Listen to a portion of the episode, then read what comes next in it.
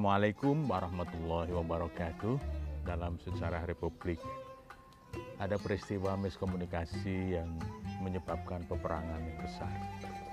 Suatu ketika utusan VOC datang di kerajaan Madura ditemui karena ingin menjalin hubungan dagang oleh raja ditemui oleh raja bersama permaisuri dan banyak punggawanya lalu sebagai ekspresi penghormatan kepada sang raja, putusan dari DOC ini berjabat tangan dan juga menghormati permaisuri.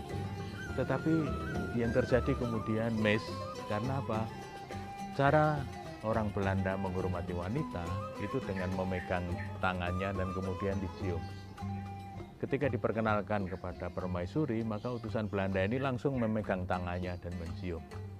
Bisa dibayangkan bagaimana permaisuri Raja Madura dicium tangannya oleh orang asing di hadapan punggawa pentingnya dalam pertemuan itu. Tentu Raja sangat tersinggung, marah dan kemudian menghunus kerisnya dan ditikamkan kepada utusan VOC. Dalam sejarah kemudian dikenal ada perang besar antara rakyat Madura dan Belanda hanya karena awalnya miskomunikasi yang seperti ini.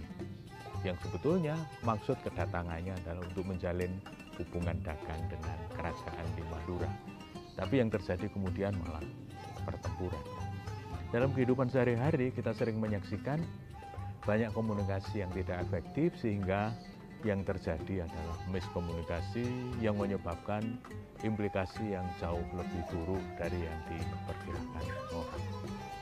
Oleh karena itu, kita harus mempertimbangkan lima hal ketika akan berkomunikasi. Kata Laswell yang pertama adalah komunikator, kemudian pesan, yang ketiga media, yang keempat komunikannya, dan yang kelima efek yang ingin dimunculkan. Karena ketika kita ingin mengkomunikasikan sesuatu yang harus kita lihat pertama kali kita sebagai komunikator. Kita ini siapa? Apakah kita cukup otoritatif untuk menyampaikan itu? Misalnya, kalau saya ingin berbicara soal sabar, yang menjadi pertanyaan adalah, apakah saya ini sudah termasuk orang yang sabar? Karena kalau tidak, komunikatornya tidak otoritatif untuk mengatakan itu, maka akan terjadi bisa saja kemudian orang tidak percaya karena yang mengatakannya bagaimana dia bisa mengatakan soal sabar padahal dia sendiri tidak sabar. Belakangan juga ada kontroversi ketika ada seseorang yang bicara soal fikih, padahal yang bersangkutan tidak otoritatif untuk bicara soal fikih. Nah, karena itu kemudian muncul kontroversi. Yang kedua adalah pesan. Pesan yang ingin disampaikan ini apa? Kalau pesan ini disampaikan oleh komunikator yang memang kompeten di bidangnya, kita harus pilih.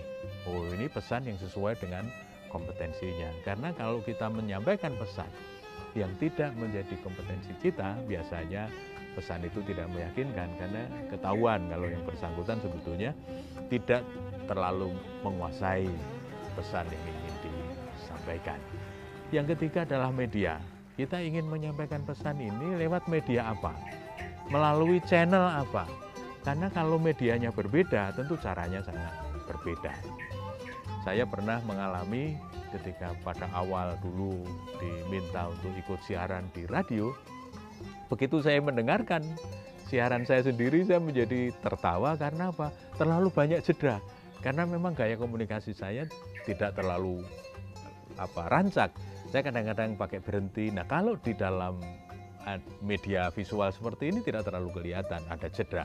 Tapi begitu di radio yang tidak kelihatan, yang tidak ada visualisasinya, jeda itu menjadi sangat kelihatan. Yang keempat, ini soal komunikan. Siapa yang kita ajak komunikasi itu harus kita perhatikan betul. Kondisi psikologisnya seperti apa, sosial ekonominya seperti apa, supaya pesan yang tadi sudah kita pilih itu bisa kita sampaikan. Tidak saja mempertimbangkan ini medianya apa, tetapi juga komunikannya. Siapa yang akan kita ajak berkomunikasi? Tentu kalau kepada orang yang sederhana, kita harus memilih dengan bahasa yang sederhana.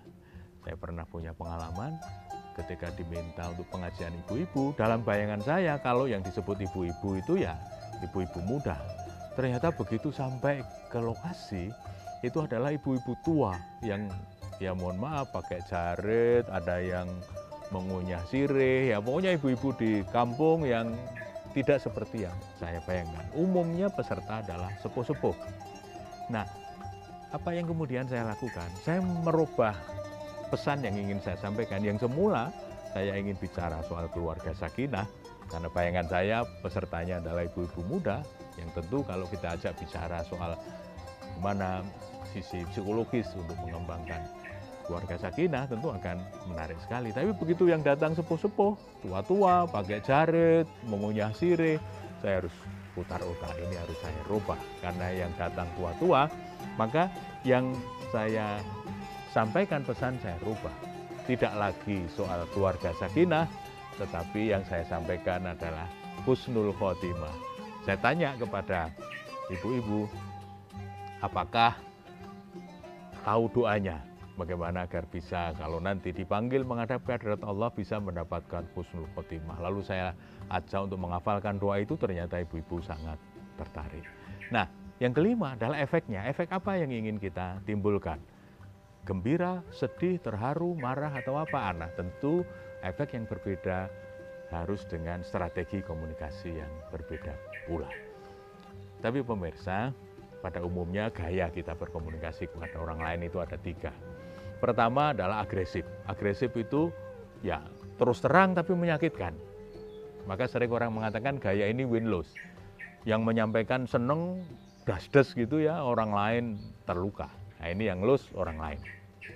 Yang kedua, asertif. Nah bedanya dengan agresif, asertif ini terbuka, terus terang, tetapi tidak menyakitkan hati. Maka disebut win-win. Kita plong bisa menyampaikan terus terang, tapi yang menerima itu juga bisa menerima dengan baik tanpa sakit hati. Nah yang ketiga, gayanya itu biasanya disebut gaya non-asertif atau pasif. Sering orang memilih untuk diam. Ketika ada pikiran perasaan yang sebetulnya dia tidak setuju, tapi dia memilih diam. Nah ini namanya lose win. Kenapa lose win ya? Yang diam yang kalah, tapi yang menjadi lawan komunikasi kita win. Nah, maka yang paling bagus sebetulnya pola komunikasi itu, gaya komunikasi itu adalah pola yang asertif.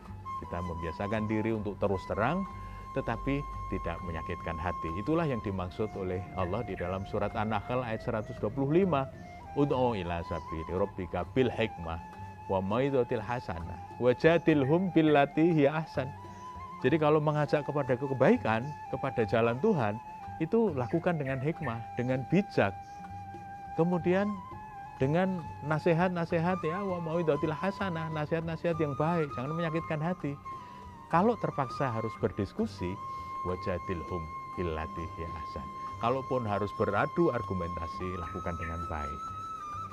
Argumentatif, jangan menyerang secara pribadi. Oleh karena itu pemirsa, biasakan untuk mengungkapkan pikiran dan perasaan secara terbuka. Karena yang paling sulit dalam komunikasi adalah mendengarkan apa yang tidak dikatakan. Assalamualaikum warahmatullahi wabarakatuh.